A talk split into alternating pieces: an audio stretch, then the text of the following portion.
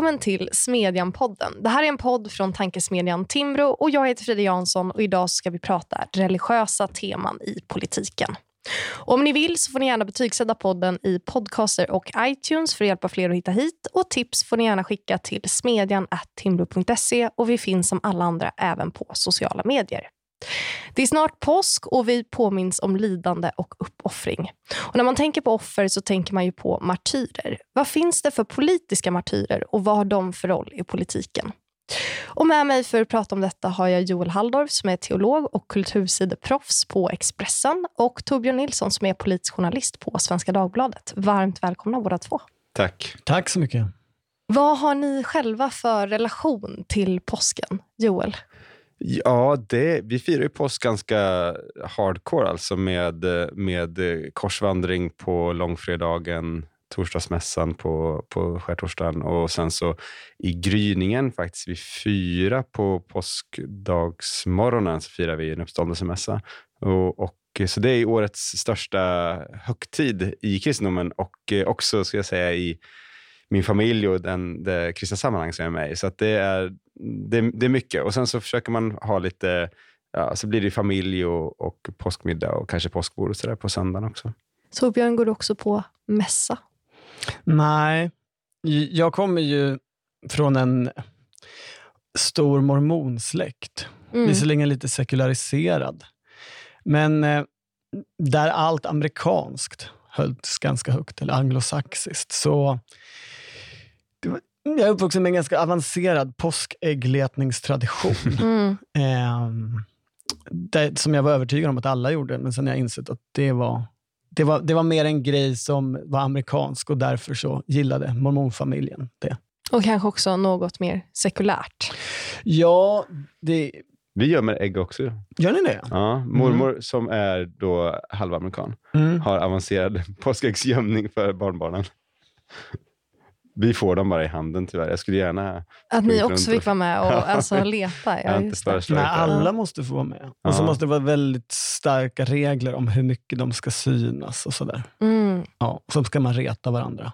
Men hos er får man gräva ner dem hur långt som helst i liksom trädgården och sådär? Då, alltså, grundregeln är att man lägger dem i en plastpåse och så måste en centimeter av plastpåsen synas. Mm. Så då kan man lägga det i till exempel en skorsten. Mm. Om bara plastpåsen syns lite det var ju ganska kreativt. Det sticker upp ur skorstenen. Händer ja. det någonsin att någon blir utan? när man hittar alltid alla? Nej, det har hänt. Att, eller det, det hände under i alla fall min uppväxt att, att eh, man inte hittade, eller att det blev kvar ägg. Det var för många. Alltså det här är en stor släkt. Det var ju 30 människor som gjorde det här. Ja, så man kanske sen hittade Alla året hade inte efter koll på vilka var här egentligen. Ja. Oklart. Ja.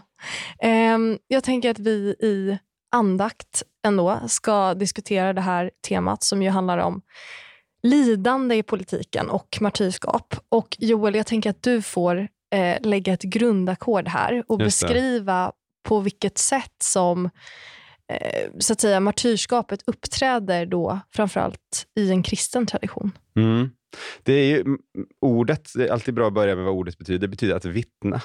Eh, och, och Det ansågs väldigt tidigt i kristendomen att det yttersta vittnesbördet på att du tror att någonting är sant. Att du är beredd på att, du är beredd på att ge ditt liv för det. Och eh, Det var ju någonting som skedde. Det finns redan i Bibeln martyrer, personer som ger sitt liv för sanningen. Johannes döparen, som är Jesus kusin, gör ju det. Eh, och sen Jesus själv såklart. Eh, och eftersom kristendomen börjar som en förföljd minoritetsreligion som är i konflikt med det stora romerska riket, så, så sker det här hela tiden att eh, kristna eh, biskopar och präster och, och lekmän eh, ställs inför, inför de romerska politikerna och då utspelar sig en maktkamp där martyren segrar genom att dö. Det vill säga genom att det politiska systemet inte får honom eller henne att ändra sig. Utan att han eller hon står fast vid sin övertygelse trots att det kostar en livet. Det blir liksom ett tecken på en djup övertygelse och Det blir också ett vittnesbörd och det blir någonting som helt enkelt imponerar på folk. Vad är detta som är så otroligt viktigt för de här människorna att de är beredda att dö för det? Eh, och det, var, det finns en teolog på 200-talet som säger att martyrernas blod är kyrkans utsäde. Alltså det, det får kyrkan att, att växa. Då. Eh, så det är någon slags eh, grundförståelse för temat i, i kristendomen. Och då, då är ju martyriet egentligen då ytterst att man ger sitt liv för någonting. Så drastiskt behöver det inte alltid bli när vi använder martyr lite mer vardagligt. Då kan man ju förlora sin karriär, eller sitt anseende, eller sitt jobb eller sådana saker. Men det finns ju också eh, moderna martyrer som helt enkelt eh, förlorar sitt liv för sin övertygelse, som Martin Luther King till exempel. Eller så. Finns det olika typer av martyrskap om man kollar på det här liksom frivillighetsmomentet? Alltså kan man vara en frivillig martyr eller en ofrivillig martyr? Eller finns det olika typer av martyrskap? Alltså kyrkan skiljer oftast inte på det, hur man eh, så att säga, utan räknar också martyrer människor som... Så tvärtom kan man säga så här, att ett av kriterierna för att räknas som en martyr är att man inte självmant söker upp martyrskapet. För det fanns liksom fanatiker i den tidiga kyrkan som, som tyckte att det här var så liksom imponerande och häftigt så de anmälde sig själva till de romerska myndigheterna för att bli martyrer. Och då så sa kyrkan, nej det där gills inte. Eh, ni, man får inte frivilligt ge upp sitt liv. Man ska anstränga sig för att komma undan så att säga. Men mm. man, när man väl ställs inför myndigheterna, då, måste man, då ska man säga sanningen och säga att jag är kristen och, och vara var beredd att betala priset för det. Då, eh, då blir man en, en martyr. Så man försöker dra upp några så att säga, kvalifikationskriterier. Då är det att man ska dö, kanske mm. i det här sammanhanget mm. mer eh, bildligt. Mm. Eller bokstavligt eh, menar du? Ja, precis. Mm. Exakt. Eh, och eh, sen så, ehm, eller jag tänkte det här sammanhanget som i det politiska sammanhanget, ja, det, det kanske är lite svårt man, att ja, bildligt, gå hela vägen så att säga. Mm. Ehm, och sen så ska man ha en stark tro. Mm. Och man får inte söka upp det självmant. Nej, det, det där sista är ju intressant, för det, det kan vi nog känna igen, att det är liksom inte riktigt klädsamt om en person försöker göra sig till martyr. Mm. Eh, utan det vi imponeras av, en slags moralisk intuition, allmänt, det är när, när någon drabbas eh, och, vi, och ändå står fast. Då, då blir det en väldigt starkt moraliskt ledarskap, en väldigt stark känsla av autenticitet också. Att det här är på riktigt, det här är viktigt för den här personen. Mm. Innan vi kopplar över till politiken tänker jag bara på, alltså, finns det många martyrer i Bibeln? Eller är det... Ja, kanske inte många. Ja, det beror... Jo, ja. Det är många profeter som uppenbarligen får lida, till exempel i Gamla testamentet. Och sen när det gäller eh, lärjungarna, eh, Jesu tolv lärjungar, så blir ju alla utom en med martyrer. Det står inte berättat om det i, i Nya Testamentet, utan det sker liksom lite senare. Eh, men det är Johannes då, eh, dör av ålder, alla andra eh, får sätta livet till då, för sin övertygelse. Så, så, så, även om det inte finns så jättemånga martyrberättelser i Bibeln där folk eh, dödas för sin tro, så, så finns det ändå många av de som dyker upp där, blir martyrer. Mm. Jag tänker nu att vi ska försöka tillämpa då det här på politiken. Um, och När jag har funderat över det här, då har jag tänkt på så här, vad skulle det kunna finnas för politiska martyrer. Och Då tänkte jag spontant på Håkan Juholt, som ju var en person som säger att han inte vill bli partiledare, men blev det ändå för rörelsen, som så många andra socialdemokratiska partiledare och statsministrar. Eh, för att sen på något sätt då eh, svikas av partiet och sen då spottas ut i kylan. Eh, Torbjörn, vad, vad tänker du om det? Var han en politisk martyr? Om han var det, varför? Och finns det några andra politiska martyrer? Nej, jag tänker inte martyrskap. Eh, det fanns ju en sekvens där när han blev avsatt som var något självpåtaget lidande eller offentliggjordes. Han åkte hem till Oskarshamn, Flanaden som köpcentret heter och hade en pressträff där. Men det var ju mer ett stant än, än egentligen ett riktigt martyrskap. Kanske en vilja att så småningom bli utsedd till martyr av en del av partiet. Mm. Han jag, sökte upp det alltså? Han ja, anmälde sig fall, till de alltså, romerska ja, myndigheterna?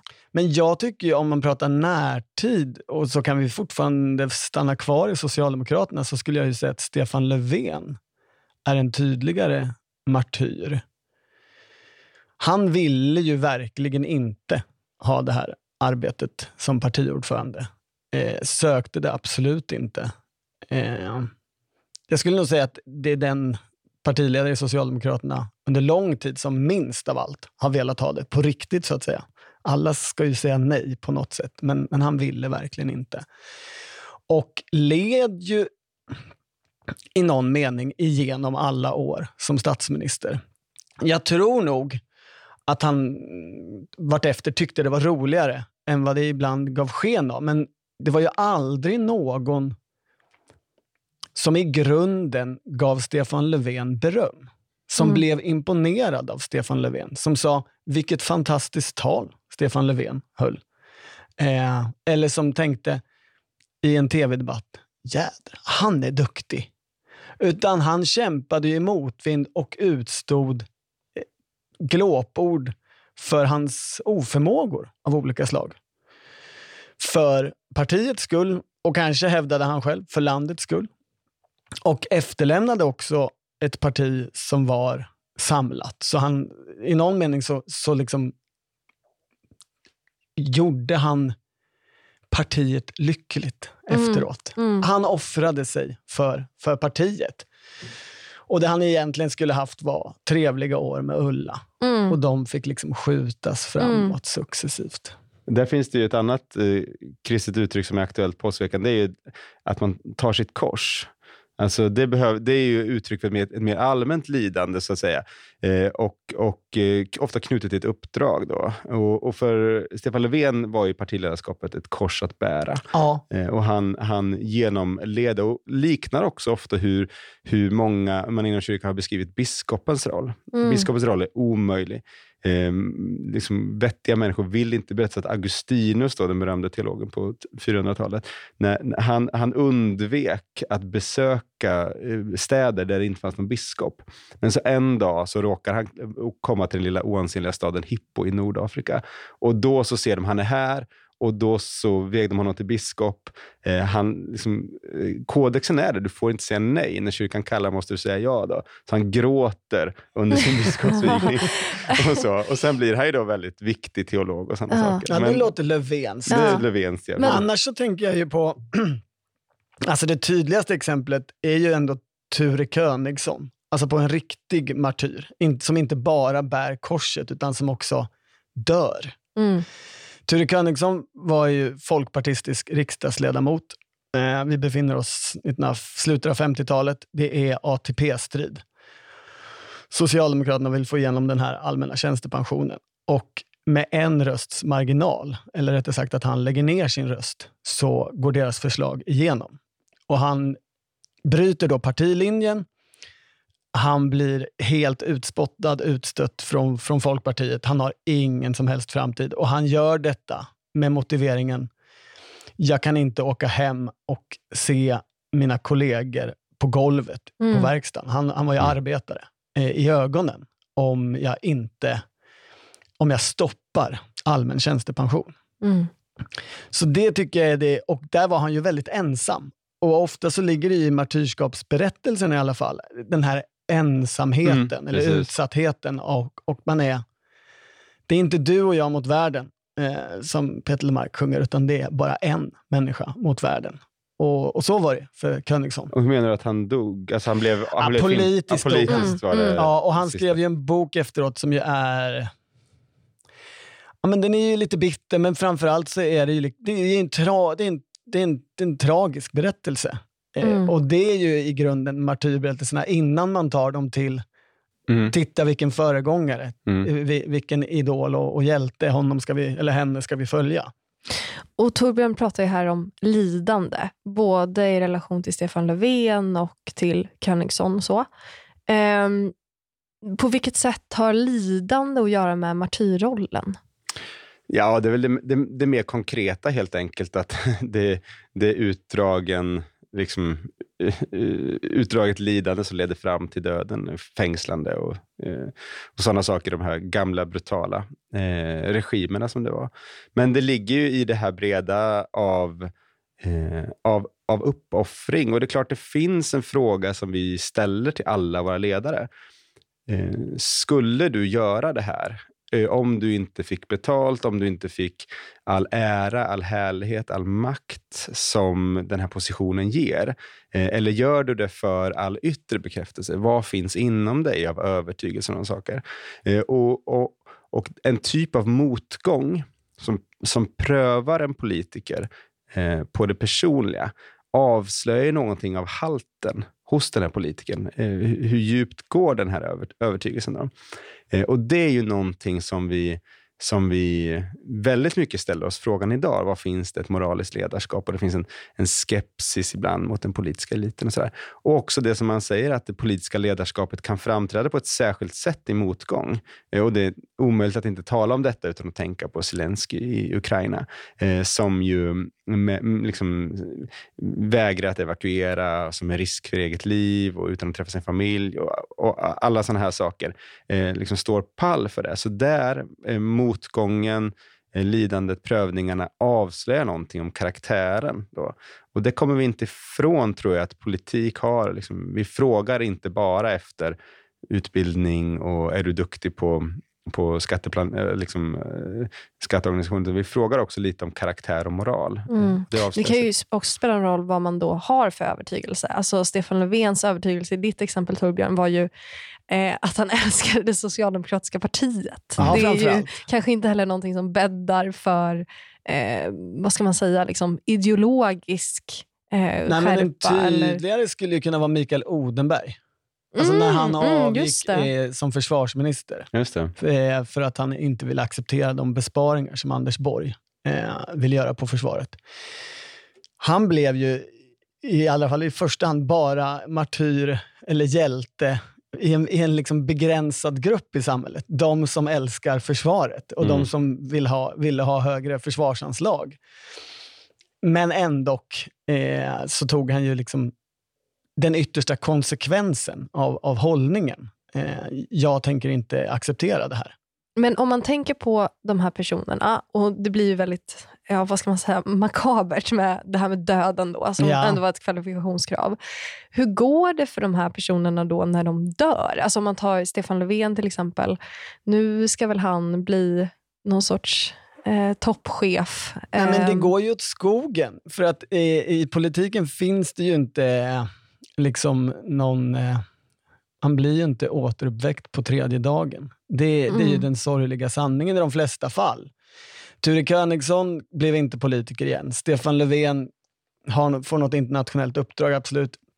Mikael Odenberg blir inkallad till Aktuellt nu då, när alla vill ha höjda försvarsanslag och så kan han sola sig lite en stund i det här tyckte jag från början, jag hade rätt hela tiden. Men i övrigt så, så mycket mer än så blir det ju inte. Och det tydligaste exemplet historiskt tycker jag ändå han faller ju lite på grund av det här med självutnämningar. Mm. och det gör ju många politiker, ska jag mm. säga. Mm. Eh, det är ju många som, som gärna vill spela martyr och så vidare. Eh, Bertil Ohlin, som ju var partiledare för Folkpartiet i evigheter, eh, läser man hans memoarer så är det ju fullständigt lidande och martyrskap rakt igenom. Och där han menar att han har gjort den stora insatsen att stoppa socialiseringen av Sverige genom att han har vridit Socialdemokraterna som haft makten hela tiden och Tage Erlander till att bli socialliberaler i, i praktiken. Lite New Labour-resonemanget. Ja, precis. Och så, liksom, hela memoarskrivandet är i polemik med Erlander och för att få folkets erkännande av att det var ju jag som såg till att Erlander blev socialliberal och drev ändå på många punkter rimlig politik. Så han kämpar ju liksom in när de skriver sina memoarer på 70-talet, båda två, parallellt, krigar fortfarande i böckerna, ja, så, så är det ju liksom, de är ju gamla. De mm. krigar ända in på, på liksom upploppet för att få ett erkännande mm. av vilket stort lass jag tog på mig. Har mitt liv betytt någonting? Ja, han blir ju aldrig martyr, Bertil Ohlin. Förut, Utom möjligen för en jätteliten grupp folkpartister. Ja, men det, är, det är ett så mm. marginellt lidande, lidandet att inte ha blivit statsminister. Det krävs, det krävs lite det mer. Stora oket, ja. Det ska vara. Men, men, men om man tittar internationellt, då är det ju, alltså där finns ju ganska många exempel på, eh, om man säger martyrer, då, om man säger Václav Havel, och Nelson Mandela. Båda de sitter ju i fängelse för sina övertygelser eh, och blir förföljda. Och det sen kan ju, när, de, när det sker ett regimskifte, eh, växlas in i ett enormt politiskt kapital. Eh, och det är också efter andra världskriget, de tyskar som har gjort motstånd eller inte gått med i regimen, de har ju... Så där kan man ju se hur det finns om man säger, uppståndelseberättelser, mm. alltså när mm. historiens vindar slår om. Så de personer som inte har då dagtingat med sin övertygelse, stått fasta och betalat ett pris för det. Eh, de är de man då vänder sig till och, och vill ha som ledare. Men eftersom vi inte har den typen av historia i Sverige så får vi inte riktigt den typen av berättelser. Nej, den, den blir ju bara i någon slags light-variant. Men titta på i Sverigedemokraterna, Jimmy Åkesson, i, i liksom före flyktingkrisen, efter flyktingkrisen 2015. Det är ju ett, det är ju ett parti som, som har upplevt, där, där enskilda eh, medlemmar verkligen har upplevt vad de upp, uppfattar som utstötelse, eller förföljelse mm. eller sabotage eller inte fått arbeta på de arbetsplatser de har velat för att de har varit med i partiet. Och så plötsligt tycker alla nästan som partiet. Mm. Så det, det, är ju det kapital som, som, som det partiet har. Inte bara att de kapitaliserar på i, i väljarkåren och, och får mer röster, utan också emotionellt inne i rörelsen. Men det är ingen annan som... Vi hade ju rätt. Liksom. Mm. Men det är ingen annan politiker som erkänner att så här, de, som ger dem det erkännandet. Nej. Och det där är ju också någonting av... Men de försöker hela tiden claima det, men, men hur mycket erkännandet betyder för, för, för att man ska få del av det här kapitalet. Det är hela tiden andra som måste tillskriva dig att ja, men Jimmy hade rätt. Liksom. Nu så... ja, men för det tänkte jag på när du drog kriterierna från början. För där fanns ingenting med av publikens eh, roll, eller så att säga reaktion. Det i, i, I politiken kan man ju åtminstone se, ja men här är en liten gruppering som hittar sin hjälte och vill göra henne eller honom till någon slags martyr. Det, Moderaterna ja, till exempel mm. har, ju, har ju länge liksom försökt gö göra partiledaren Gunnar Heckscher till någon slags EU-martyr. Han mm. var ju partiledare på 60-talet, eh, liksom pionjär i Sverige ska gå med i Europa. Vi måste tänka oss som europeer och nu ska vi gå med i samarbeten och sådär. Det hade han ju ingenting för då på 60-talet. Det, det, var ju liksom dödfött. Och, och nu efteråt så vill man då... Men det är ju, en, det är ju egentligen eh, en liten grupp fanatiker, nu försöker jag jämföra med liksom, eh, romartiden och eh, det tidigkristna livet. Då är det en liten grupp fanatiker som samlas i, i en liten församling och hittar sin person. Mm. Men, och gör den till, men Joel, gör Gunnar Heckscher till en hjälte. Precis, men har det inte att göra med att sanningsbegreppet är så centralt i kristendomen? Att det som är sant är liksom sant. Mm. Medan i politiken så laborerar man ju inte med det på samma sätt. Nej, men jag tror att du kan också hitta den här skiftningen i, i mellan den lilla gruppen och det stora erkännandet. Och det är intressant att fundera på paralleller i politiken. Alltså, du har ju, kyrkan erkänner ju då att här är våran här är vår hjälte, här är vår martyr som, som lider och sådär. Men det är klart att det finns ju någonting i att övriga samhället ändå säger att ah, det här är ändå lite imponerande. De, de värjer sig inte ens från för de här lejonen eller gladiatorerna eller, eller sådär, utan det finns någonting här. Och Kanske är man beroende av att få något form av erkännande från en bredare allmänhet för att det riktigt ska få en riktig tyngd. Ja. Eh, så. Eh, och det får ju, och, och, och vad det gäller liksom kyrkans martyrer så är det bara, de är modiga. Romarna anser att de är modiga. Eh, och, och, och, och, De är galna men modiga. Liksom. Och Det är väl det som inte då Sverigedemokraterna, så vidare, de här exemplen Heckscher får av de andra. då. Nej, det är svårt att säga att liksom driva Europeiska gemenskapen frågor på 60-talet var som att gå ner i lejongropen. Nej, precis. Det, det blir ju inte riktigt det. Det blir inte riktigt det. Men kan man säga någonting om anledningen till att vissa liksom, martyrskap lyckas lyckas, eller vad man ska säga. Man kan väl ändå, om man jämför till exempel Sverigedemokraterna och hur, man, hur de då i eh, allmänhetens ögon kanske fick rätt i flyktingfrågan 2015. Jag tycker ändå på något sätt att ja, de har ändå cashat in lite på det vad gäller opinionsstöd, också kanske lite hos andra partier och så, att man har börjat närma sig den förklaringsmodellen. Om man jämför då det med Bertil Olin. Jag har ju fått eh, Bertil Olin-medaljen i brons. Och det är ju kanske för att jag tillhör en sån liten, liten skara som du pratar om Torbjörn. Men eh, vad är det som gör att vissa lyckas och vissa misslyckas? Ja, men det är ju i någon mening att få rätt. Politik handlar ju inte om att ha rätt, utan om att få rätt. Och Det stämmer ju också på något vis för de, kristendomens historia och deras martyrer, tänker jag. Alltså, antag kontrafaktiskt att kristendomen inte skulle blivit eh, en världsreligion eller blivit statsreligion så småningom i, i romarriket och, och tagit sig därifrån. Utan hade varit någon slags mormonkyrka. Eh, då får man inte rätt i det mm. omgivande samhället. Utan då kan det möjligtvis vara imponerande Mm. Men man, det är eh, ingen som finns kvar att minnas det? Nej, och en stark insats, men, eh, men, men inte någon hjältestatus. Det är lite det segrarna skriver historia, som man ofta säger. Men med SD är det också så att de, det de försöker göra det är att säga vi vi var emot invandring innan det var liksom opportunt att vara det. Vi var, vi, alltså man försöker casha in på den här trovärdighetsgrejen som kommer av att alla hånade oss, spott och spe, alla ledarsidor var emot oss och sådär. Och det visar att ni kan lita på oss. Ni kan inte lita på Moderaterna på samma sätt. Ni kan inte lita på S och sådär. Eh, så där försöker de också eh, använda sitt då lidande på det sättet för att växla in det mot, mot trovärdighet helt enkelt. Mm. Och skulle ni säga att det är en, för vi har ändå kommit på ganska många politiska martyrer och just den här diskussionen om Sverigedemokraterna och sådär. Eh, kanske också ett parti som Liberalerna som ju ofta eh, pekar på att man till exempel var för NATO-medlemskap innan alla andra partier och sådär i den diskussionen som vi har just nu med kriget i Europa. Mm. Eh, är det här en effektiv politisk strategi?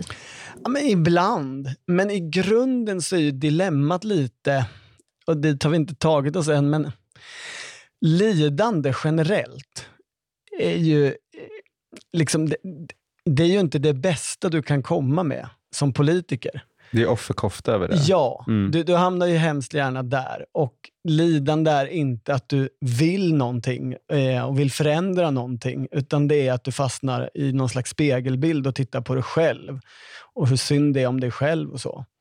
Så det är, det är en, en tum balansgång där, att liksom lida och få någonting för det. Mm. Så, så jag tror att i grunden är det som är svårigheten politiskt. Att, att lidande är i grunden inte en, eh, en bra strategi. Folks, folk lider hell, vill inte lida med dig. Det, mm. det, det, finns ju undantag. Jag skulle hävda att med Stefan Löfven så fanns det en faktor som var att folk kände någon slags empati eller medlidande mm. när han eh, inte var briljant. Det var ju, det var ju... Och så förlät man det. Ja. Och, och, och, eller hade överseende med att eh, han är inte skicklig på de här och de här sakerna. Men han verkar kanske vara bra på något annat sätt. Eller man, man känner lite medlidande. Men det, men det är få, få gånger det funkar. För det, de borgerliga partierna hade en väldigt stark... Liksom, de var ju väldigt arga på Löfven och väldigt kritiska. Både så som man alltid är mot regeringschefen eller en oppositionsparti, men också fanns en liksom irritation över det här att han ser dem inte, att han liksom fumlar med orden och att han inte är så vass i det. Ser de inte detta då? Eh, men de, de överskattade hela tiden hur utbredd den irritationen var. Det fanns socialdemokratiska politiker som väcker ont blod och liksom som, som det finns en stark vrede mot. Men Stefan Löfven var aldrig någon av dem, utan där var man mycket mer förlåtande eh, i allmänheten. Det, det, det, kan jag delvis gå på en slags intuition, men också det jag talar med en chef på Expressen om, om hur man klickar på liksom, eh, aggressiva artiklar som angriper olika politiska ledare. Så var aldrig, det var aldrig en stor publikdragare att, att angripa Stefan Löfven hårt. Utan det fanns liksom annat där. Och om man liksom eh, vidgar perspektivet lite och tänker på lidande i kristendomen. Mm på vilket sätt är det ett kristet tema? Och Det är ju ett väldigt viktigt kristet tema. Alltså det finns ju eh, en tematik, det är nästan så att det, det är svårt att eh, ta till sig ehm, eh, det kristna budskapet utan att på något sätt vara bekant med motgång och lidande. För hela, hela berättelsen handlar om att världen är en tåredal. Det finns, du kommer alltid att möta motgångar här nere. Eh, och det är, är fruktansvärt, men förtvivla inte. För att den här, här finns det en Gud som har gått med dig. Och när du går ner i dödsskuggans dal så är du inte ensam, utan där är Kristus dig allra närmast. Eh, och Den här liksom paradoxen finns i många religioner på, på olika sätt, som, som är en, en så här, pandang till, alltså den som har framgång behöver inte trösta så att säga. Men just när man möter svårigheter och lidanden eh, så finns det en väldig liksom, styrka att hämta, inte minst i kristendomen som har ju som då korset och påsken som det centrala. Men det är väl, även om lidande kanske inte är en effektiv politisk strategi, så tycker man ju ändå att det finns ett stråk av kanske den, den typen av resonemang i politiken. Alltså att jag har aldrig hört en politiker som säger att man eh, här, jag är här för att jag älskar spelet eller jag, jag brinner för att liksom... Men fast det äh, finns ju lättsinnnespolitiker. Ja. Eller som, som snarare har, har präglats av en, en aura av jag går lätt genom livet, skrattar åt problem. Jag skulle i, i, i sin glans dagar var ju Håkan Juholt en sån politiker. Mm. Ulf Adelsson är väl urtypen av en sån politiker. Ian och Bert lite också kanske? Ja, men då, det fanns ju också en frenesi mot samhället. Att det var att liksom, en, en, en, liksom ett en vilja att vara anti-etablissemang och sådär. Det, uh, det var uh. ändå aggression. Ja, just det. Precis. Eh, Konflikt eh, som ja, utgångspunkt. Ja. Och jag skulle i, i sina stunder så är Ulf Kristersson en, en, en lättsinnespolitiker. Han skrattar alltid. Mm, han, mm. Eh, han, säger, han säger i grund och botten är jag alltid optimistisk. Mm, det är, alla mm, resonemang med honom mm. slutar där på något mm. sätt. Det slutar inte i det är för jävligt och det är lidande och vi måste liksom igenom Jämmerdalen eh, mm. här. Mm. Utan eh, det, det går nog bra det här. Mm. Och det är ju väldigt långt från, från lidande eller martyrskap. Det är ju mer av... Eh, Vill vi jag, ha jag vet sån, inte vad vi har för bibliska karaktärer som skulle kunna ta in där, men det behöver vi inte göra heller. Vill vi ha sådana, när jag funderar på det, vill, vill, man ha, det kanske är olika för olika tider på något sätt. Churchill i den svåra tiden utstrålar ju någon slags så säga, livserfarenhet märkt av livet, sådana saker. Men vill vi ha politiker som vi kan, eller vill, eh, som, som har en slags melankoli? Eller vill vi ha sådana som är i grunden optimistiska? Det kanske är lite tycke och smak. Bra fråga. Det beror ju också på vad man menar med melankoli. Om man tänker vilka partiledare i Sverige har varit riktigt, haft riktigt högt förtroende, allmänt och brett. Då hamnar man på Fredrik Reinfeldt i närtid. Mm. Liksom rekordhöga siffror. Inte melankoliker tänker inte jag. Där. Nej, du tänker inte det, men jag, jag, tänker, att, eh, jag tänker någon slags melankoliker. De där okay. sorgsna hundöronen mm. och, och, inga yviga gester, utan lågmält, mm. vandrande genom, genom, genom tillvaron på något sätt. Men eh, det beror nog, vi, där kan man nog subjektivt uppfatta väldigt olika. Mm. Han var ju också optimist mm. på något sätt. ja, det, det är precis lite den politiska. Men jag tänker vi kanske inte helt kan gå förbi det faktum att vi har ju haft politiker i Sverige som faktiskt har blivit eh, dödade. Vi har ju några politiker, upp, upp, uppmärksammade politikermord eh, med Olof Palme, Anna Lind och så.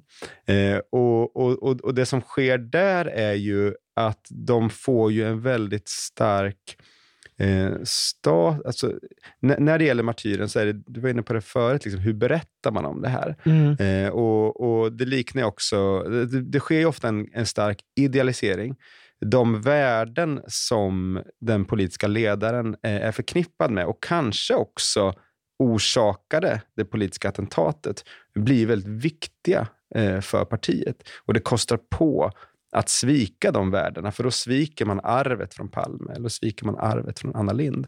Eh, så där sker det en väldigt stark liksom, legering mellan ett, ett liksom, politiskt arv och en väldigt emotionell investering som jag tror har format eh, socialdemokratin i Sverige eh, ganska mycket, alltså det inre livet. Att man är, man är förbunden med, med de, här, de, här, de här ödena på ett väldigt starkt sätt.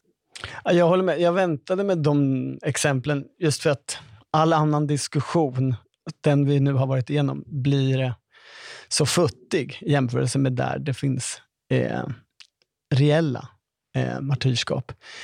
Jag tycker att de är lite olika. Och Det tycker jag är, är spännande. att Kring Palme så så skapades ju ganska snart, uppfattar jag. Vi var ju inte så gamla när det här hände, men det här får man ju gå till, till studera snarare eh, i efterhand.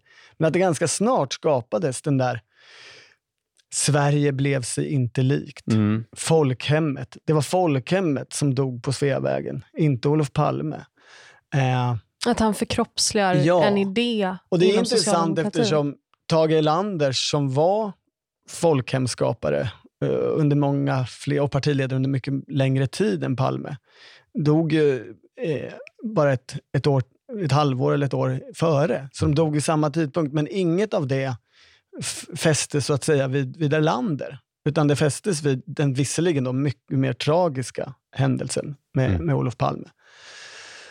Och det har ju varit svårt för partiet. Det märks ju inte minst nu när det är eh, säkerhetspolitik, utrikespolitik, eh, NATO-fråga, den typen eh, av resonemang. Där vilar ju ett arv från Palme som är svårt att göra upp med. Mm. Nu, nu, tror jag nog att det händer saker där. Och, men det är ju den generationen som är formad av att ha gått med i Olof Palme mm. som är nej-sägare till en mm. förändring nu och som kanske inte är så starka, men som fortfarande lever och har de här argumenten som, som ju liksom bär tillbaka i rörelsen. Kärnkraftsargumentet, vi ska kunna vara en mäklande röst i världen. Mm. Allt det är ju egentligen martyren Olof Palme. Mm. Och det, ja, precis. Och det återknyter ju också till det som vi diskuterade innan, vilket har att göra med hur svarar så att säga, opinionen på martyrskapet, eller då eh, följarna? Eh, och Där tänker jag på Jonas Sjöstedt i sin bok. Han lyfter ju fram att mordet på Anna Lind var en sån sak som eh, boostade eh, så att säga ja-sidan mm. i euroomröstningen. Eh, som kanske också är ett sånt liksom, erkännande av um, ett lidande eller liksom ett martyrskap. Mm. Precis, men, det, det, men det, det, har att göra med liksom vilken berättelse som uppstår eh, kring det. För det, det är frågan är, vad var det som, eh, dels i Palmes breda politiska gärning, eh, om, om vi håller oss kvar där, vad är det som identifieras som centrum och särskilt? Och då blir det det internationella engagemanget. Det är de bilderna vi ser mycket när han vandrar i demonstrationer, de här talen Vietnamtalet som vi, vi hör ofta eh, klipp ifrån och sådana saker. Så det förknippas han med. Och sen är det också, hur, vad är det han får ge sitt liv för? Alltså hur tolkas mordet? Och nu är det inte uppklarat, så vi vet ju inte det. Det är ett, en del av trauman. Vi vet inte riktigt hur vi ska tolka martyrhändelsen, mm. eftersom vi inte vet. Men ganska snabbt etablerades ju en berättelse om att det var PKK, det var det internationella engagemanget, det var Sydafrikaspåret, det var det som hade gjort att han... Så, här, så det, det, det, tror jag också förklarar att hans gärning och hans offer eh, förknippas med, eh, eh, med det internationella och det blir svårt då. Det blir ett svek emot... Alltså, och, och Det här blir lite personligt. Alltså, hur, mm. hur kan man, när en person har gått så långt i den övertygelsen att det kostat honom hans liv. Mm. Hur kan partiet då svika det? Mm. Det blir en väldigt stark... Eh, det finns en underliggande eh, svekdebatt här då mm. om Socialdemokraterna skulle välja en, välja en annan väg. Med, med fallet Anna Lind så är, ju, så är det tvärtom så att det alltid har saknats en politisk berättelse. I Eva Frankells nya biografi över Anna Lind så, så, tycker jag ändå att det finns spår till att försöka se det. Eh, men annars så har ju den berättelsen varit eh, hon som inte fick bli partiledare. Mm. Hon som skulle bli partiledare. En grundorsak till 15-20 år av socialdemokratisk hemlöshet eller ledarproblem och internstrider. Hade bara Mm. Anna fått leva och sen så hoppar de över det här steget där det då hade varit självklart att hon hade blivit partiledare. Det hade hon nog blivit, men hade det verkligen varit att alla slöt upp kring henne och tyckte Mm. hon var fantastisk? Mer oklart.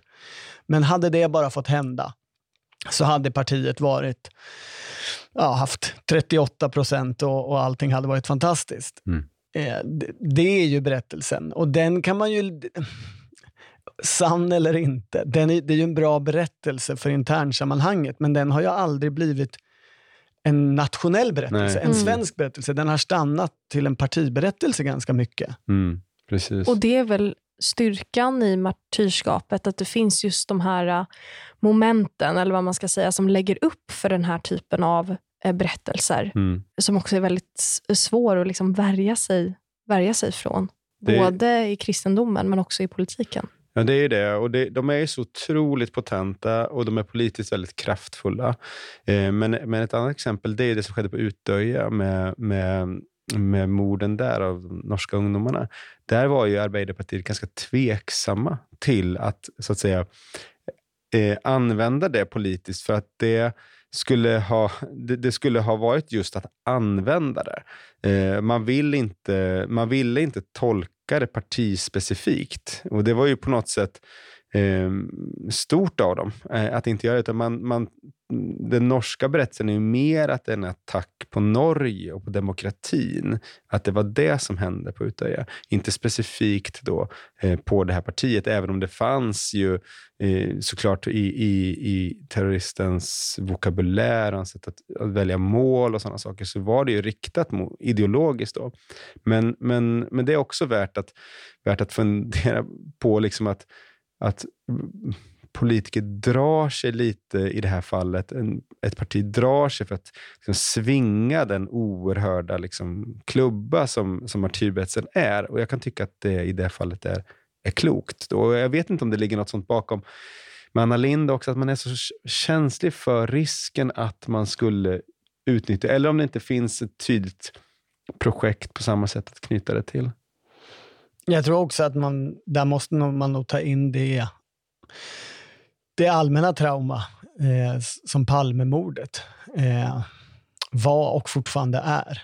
Så när, det, när den här berättelsen om Anna Lind skulle börja berättas så, så handlar det ju så mycket om i första hand att det här mordet måste klaras upp. Mm. Just det. Det kan inte eh, bli ouppklarat. Eh, jag tror att det, det börjar där egentligen. Mm.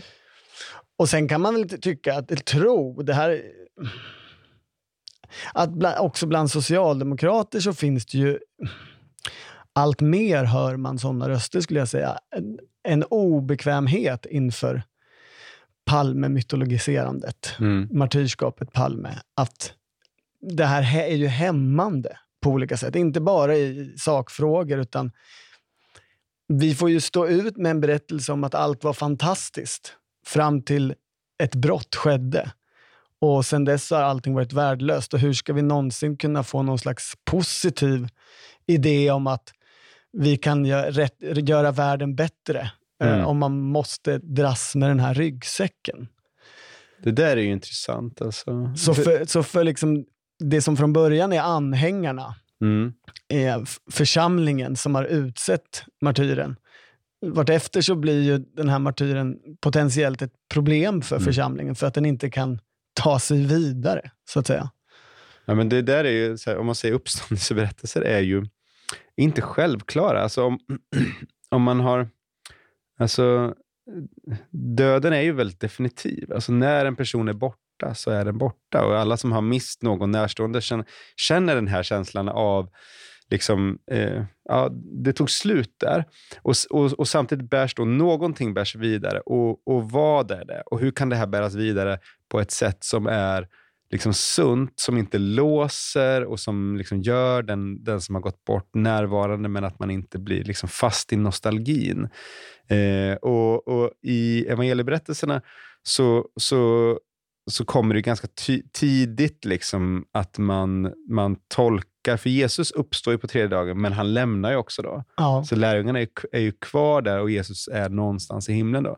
Eh, men, men han lämnar då med det här löftet att eh, det är bra att jag går till min fader, för då kommer hjälparen den helige Ande och han kommer alltid vara med där. Så det finns ett, ett byte där då, Mm. som gör att de kan på något sätt gå vidare i, utan att vara brutna av sorg, men burna av den här då, eh, anden och gå vidare i världen och, och fortsätta att leva det här liksom, eh, kristna livet som det så småningom mer och mer tar form. Då.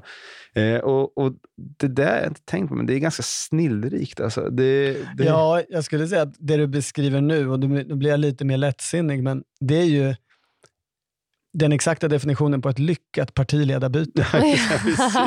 Det är ju så alla partier vill byta partiledare. Exakt så. Eh, jag, jag, behöver försvinna nu. Mm. Ja. upp Men det är bra upp, för upp er. till eh, himmelriket. Jag är närvarande i någon form av helig ande på något Ja. sätt, Mm. när det behövs. Mm. Men jag är borta. Mm. Mm. Och liksom nu, nu, är det, nu, är det, nu är det, har ni en ny och sköt det här, det här ordnar ni. exakt. Mm. Ja. Eh, tack så mycket för att ni har varit här, Torbjörn Nilsson och Joel Halldorf. Och vi hörs ju som alltid nästa vecka och så får ni ha en trevlig påsk nu när vi går in i påskledigheten.